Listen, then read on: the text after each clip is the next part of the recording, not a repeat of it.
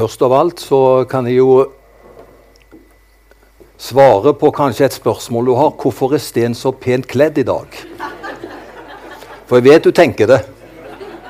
Og kanskje det er til og med noe som sier 'er nå det nødvendig'?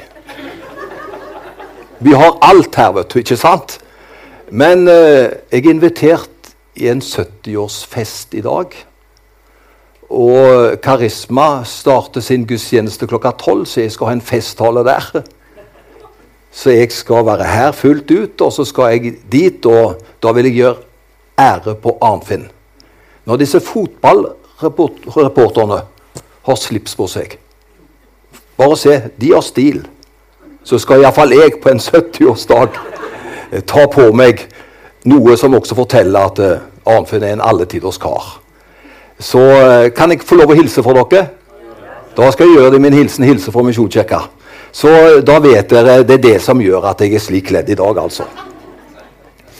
Eller så kan jeg si det at uh, det å være pastor er Nå skal jeg bare si det. Det kan være fra den ene ytterpunktet til det andre. I går var det en slik dag hvor begge disse kraftige hva skal jeg si, ytterpolene var til stede i livet mitt. I går så kjørte jeg bil sammen med Ebbe til eh, Lillestrøm, der hvor Hermon har eh, sitt forlag. Og de feira 40 år. De har utgitt 2300 titler på 40 år. Fantastisk. Det er det største kristne forlaget blitt. Eh, gjennom de forskjellige bibeloversettelsene og formatet så har de gitt ut 300 000 bibler med de forskjellige utgavene. Så eh, det er en gigant Hermon forlag er blitt i 40 år. Og jeg er jo, må si, jeg kan jo bare si det nå, for nå skal jeg, er på vei, ikke sant? så kan jeg si det at jeg har vært sentral de siste 15 årene i Hermon forlag. Gjennom Bibel og masse bøker. Og så spør de da Sten, du må holde jubileumstalen, som da var i går kveld. Og da tenkte jeg ja, spør de om det, så vil jo gjerne det. Så jeg hadde forberedt meg og faktisk stolt hadde samme dress på meg og bare vært hjemme og skiftet skjorte. Eh, og forberedte meg og syntes det var fint å møte masse andre ikke sant, forfattere. og Vi skulle feire 40 år. Og jeg kjørte inn med glede. Og på veien så får jeg en telefon. Og bakgrunnen for den telefonen ikke sant? For dette er jo bare glede. Dette er jo høytid. Dette er fest. Ikke sant? Jeg har fortalt nå. Men torsdag den 17. august får jeg en telefon, og jeg ser på displayet. Der står det Ole Kristian Iglebekk. Han er en veldig kjent predikant. Særlig innenfor de frie evangeliske forsamlinger, frie venner, som vi sier. Og vi har vært veldig nære venner, iallfall de 20 siste årene. Jeg kan si Hver mandag så har vi snakka med hverandre på telefonen. Og han har spurt hvordan jeg hadde det i Misjonskirka. Og jeg har spurt hvordan han hadde det. ikke sant? Og så har vi snakket om masse ting. Han er også styremedlem i Tronsbeviset. Han er tett på. Jeg kan si at det, Av de tre nærmeste vennene så er han en av de tre. Og så har han hatt alvorlig kreft, og det har vært i seks år. Han har gått gjennom alt som kan for å hjelpe han. Fått uh, transplantasjon Altså, de har gjort det de kunne. Og så ble han så dårlig i sommer. Og så har han blitt enda dårligere etter sommeren. Så han, nå De siste to ukene så har han bare ligget på, på, smertelindring. Legene kan ikke gjøre mer. De har bare sagt at det, det er dager igjen. Så det visste vi, ikke sant? Så ringer han da torsdag 17. august. Og så tenker jeg kan, det er sikkert kona som ringer og sier, bruker den telefonen. Og da er det sikkert noe et eller annet her som ikke er bra. Og så hører jeg det Ole Kristian.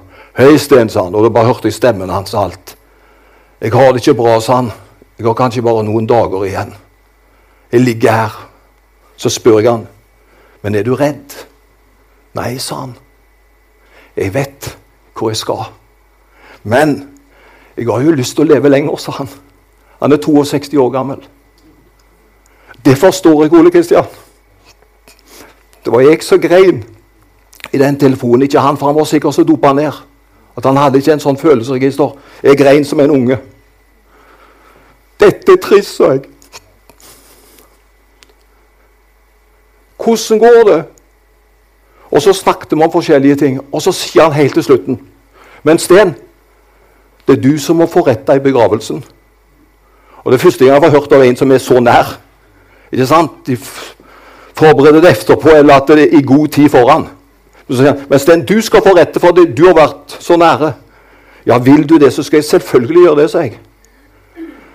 Og så sier han da, for han hadde et glimt i øyet, så sier han det. Men du trenger ikke begynne å forberede deg ennå, sa han. Eh, for da levde han med han var så dårlig. Nei, jeg skal vente, jeg, sa jeg. Og jeg sa til han, jeg skal gjøre mitt beste. Så jeg, jeg skal skikkelig forkynne som jeg aldri har gjort før. Og løfte opp Jesus. Ja, det må du gjøre. Og så sa han det koret vet du, som er Øyvind Fragell har skrevet i sangen 'Det eneste håp som jeg eier'. Da har jeg jo Jesus i deg. Jeg bringes til ro ved enkelt å tro at du døde på korset for meg. Og så fikk jeg telefon i går. Da var han flytta herifra. Og da tenker jeg på for en kontrast. Vi skulle inn til fest.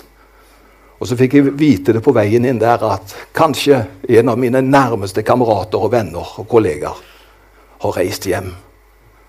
62 år gammel. Og da vet jeg det venter en begravelse. Men det som jeg har lyst til å si, for det er også litt bevisst at jeg forteller dette her, for nå kommer jeg rett inn i talen min Ole Kristian Igelbekk han har virkelig brukt sine talenter. Er det én ting han kunne se tilbake på, og som vi andre kunne og kan se tilbake på, det var han brukte i sannhet sine talenter. Og han var predikant også på en tid hvor det var lite innkomster på å være predikant. Kona fortalte at i slutten av måneden så måtte de gå ut på gater og se om de fant tomflasker som de kunne pante. Siste året har det vært sånt, men det var en del av hans begynnertjeneste. Men kallet det dreiv han, og han kunne ikke la være. Han brukte sine talenter. Og så kan man si at Herman Forlag har i sannhet også brukt sine talenter. Og så er det talenter jeg vil si litt om i dag. Og så vil jeg utfordre deg, kjære venn, for det er bare venner som er her i dag. Jeg vil utfordre deg som venn i forhold til de talenter som Gud har gitt deg. Kan jeg få opp det bildet, Brian? Det bildet illustrerer han som har vært utenlands, som har gitt beskjed til tre av sine tjenere. Én fikk to talenter. Én fikk fem. Og den tredje fikk ett talent. Og så, etter lang tid i utlandet, så kommer Herren tilbake og vil sjekke opp hvordan har det gått med de tre som fikk ulike talenter. Men han vil få en oppsummering. Hva har skjedd? Og da står det bildet der for de to første som fikk fem og to talenter. For vi vet hva som skjedde med de. De dobla. De dobla det de hadde fått. Og da ser jeg for meg Eh, hans Herren, han tar hendene mot den, og så sier han Du har vært fantastisk. Du har brukt de talenter, det pundet, som jeg har gitt deg. Du tro tjener. Gå inn til din Herrens glede. Og så står det Den som har fått, skal bare få enda mer. Og begge disse to, som hadde fått to og fem pund, de fikk akkurat den samme hyllest og tilbakemeldingen. For nå skal du høre. Det er ikke snakk om hvor mange talenter vi har fått. Hør. Det er ikke snakk om hvor mange talenter du har fått, men det er snakk om om vi har brukt de talentene som vi har fått. Det er kun det vi står ansvarlig for. Ikke mengden, for vi har fått forskjellige talenter. Ikke sant? Du har fått dine talenter, jeg har fått mine. Noen er jo rikt utrusta med talenter. Andre har kanskje ikke fått den mengden, Men alle er ansvarlig for de talenter som han har fått. Og det er det som vi måles på. Det er hvordan forvalter vi det som Gud har gitt oss. Og så er det veldig fint når det gjelder gaver som Gud gir gaver. Og det som ikke jeg har, og det er masse som ikke jeg har, det har du. Og så blir det et sånn fint fellesskap. Når vi summerer, så ser vi ja, men her er det masse gaver når vi legger de sammen. Og da blir det et mangfold. Det blir en rikdom. For vi har ulike gaver. Men når vi bruker det, så blir det jo et mangfold ut av det. Det er ikke et menneskes talent som teller. Det er hvordan det brukes. Jeg tror jeg må si det en gang til, for det er ikke ofte jeg sier det samme to ganger. For dere tar det første gangen, men jeg vil si det en gang til. Det er ikke menneskets talent som teller. Det som teller, er hvordan det brukes. Gud krever aldri av et menneske evner som en ikke har gitt. Men han forventer at mennesker bruker fullt ut de er evner som han, hun, faktisk har. Noe annet forventer han ikke av oss. Selvfølgelig ikke. Han overforventer ikke fra oss. Men han forventer selvfølgelig at vi bruker det som han har gitt oss. Og vi har Vi er ikke like når det gjelder talenter. Men hør, vi kan være like i innsats. Ikke i talenter, men vi kan være like i innsats. Og det er egentlig det som teksten i Matteus 25, 14-30 dreier seg om. Jeg leser ikke teksten, men det er der han står, Matteus 25, 14-30. Altså Teksten vår i dag tar for seg Vi er ikke like når det gjelder talenter, for det er forskjellig, men vi kan være like i innsats. Det er poenget med teksten.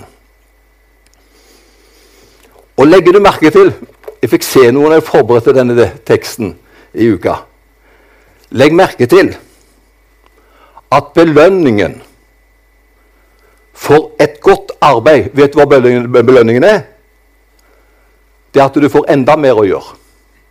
Tenk på det. Det er det som er belønningen. Fordi disse tjenerne som lykkes, de fikk beskjed om 'Jeg vil sette deg over mer'. Ser du det? Det var det som ble sagt til de to første. 'Jeg vil sette deg over mer'. Og da blir belønningen for å gjøre en innsats for Herren, det er at vi får rett og slett mer å gjøre. Og eh, sånt er det, vet du. For jeg vil sette deg over mere. Har du lagt merke til Jeg har lagt merke til noe, og kanskje du har lagt merke til det samme. Vet du hvem det er lettest å spørre om oppgaver i Guds menighet? De som det er lettest å spørre om å gjøre oppgaver, det er egentlig de som har mest å gjøre. Bare tenk etter. De har lettest for å svare ja, de som har mest å gjøre. Vet du hvorfor? De vant til å ta i et tak. Og fordi de vant i å ta i et tak, så er det ikke et så stort steg å gjøre det igjen. Og så ser vi det at pga. de vant til det, og så er det de er tro, og så er det bare det at de får mer å gjøre. ikke sant? Og så er Gud fantastisk. Han lar oss ikke slites ut. Men vi har et mye større potensial, de fleste av oss, enn det vi benytter i dag.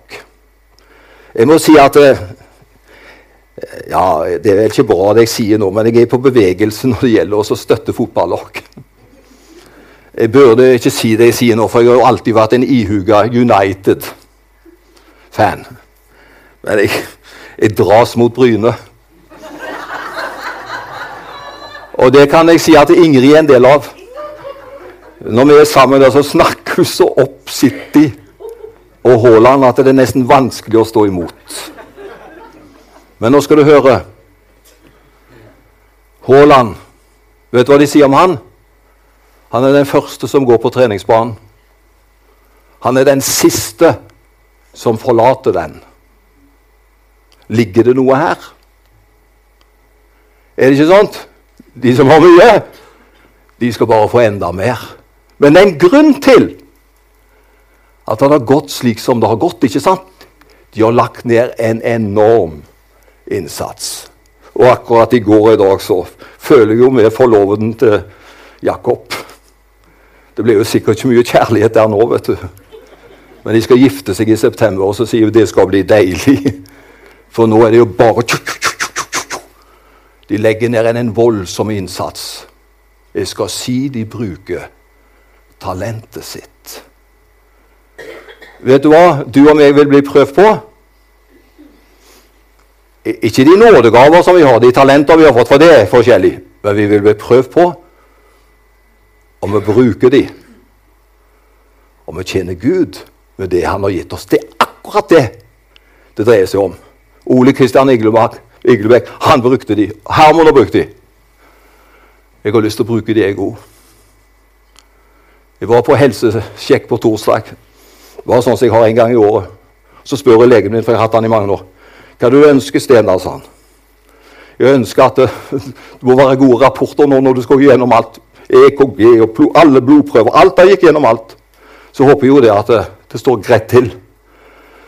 Ja, hva ønsker du, da? Ja, Jeg ønsker iallfall å stå på skikkelig fem år til, sa jeg. Han vet jo at jeg har passert 70. Han sa jo skjermen foran seg. Og så går han gjennom så ser han, vet du hva siste han sa? Når jeg gikk ut.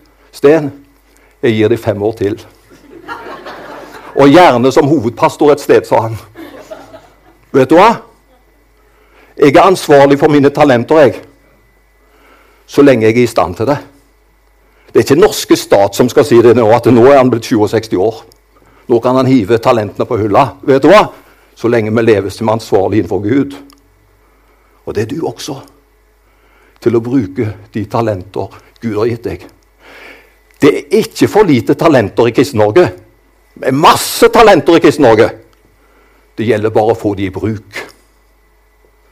Tenk om bare 10% mer hadde blitt aktive.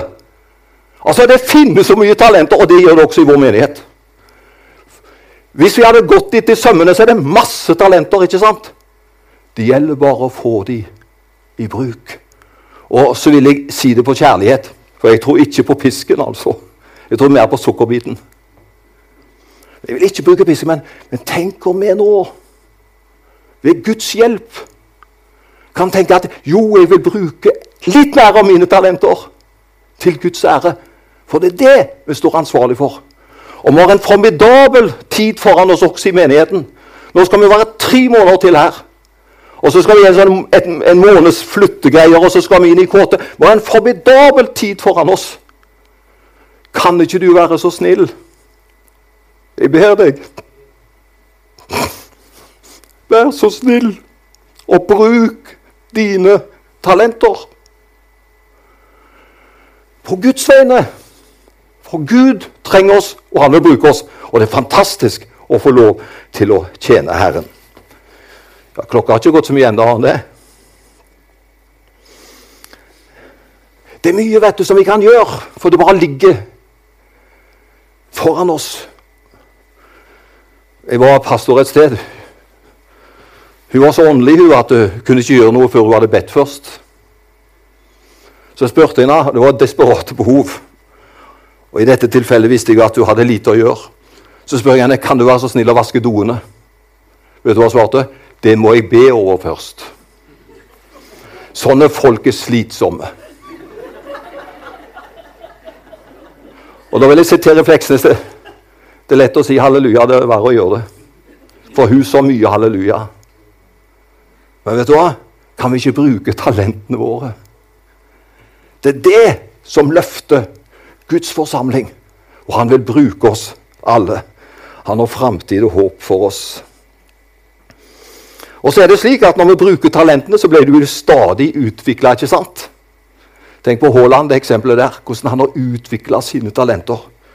Bruker du det ikke, så graver du ned, som han gjorde. Han vet du, han Treimann han gravde de bare ned, han talentet.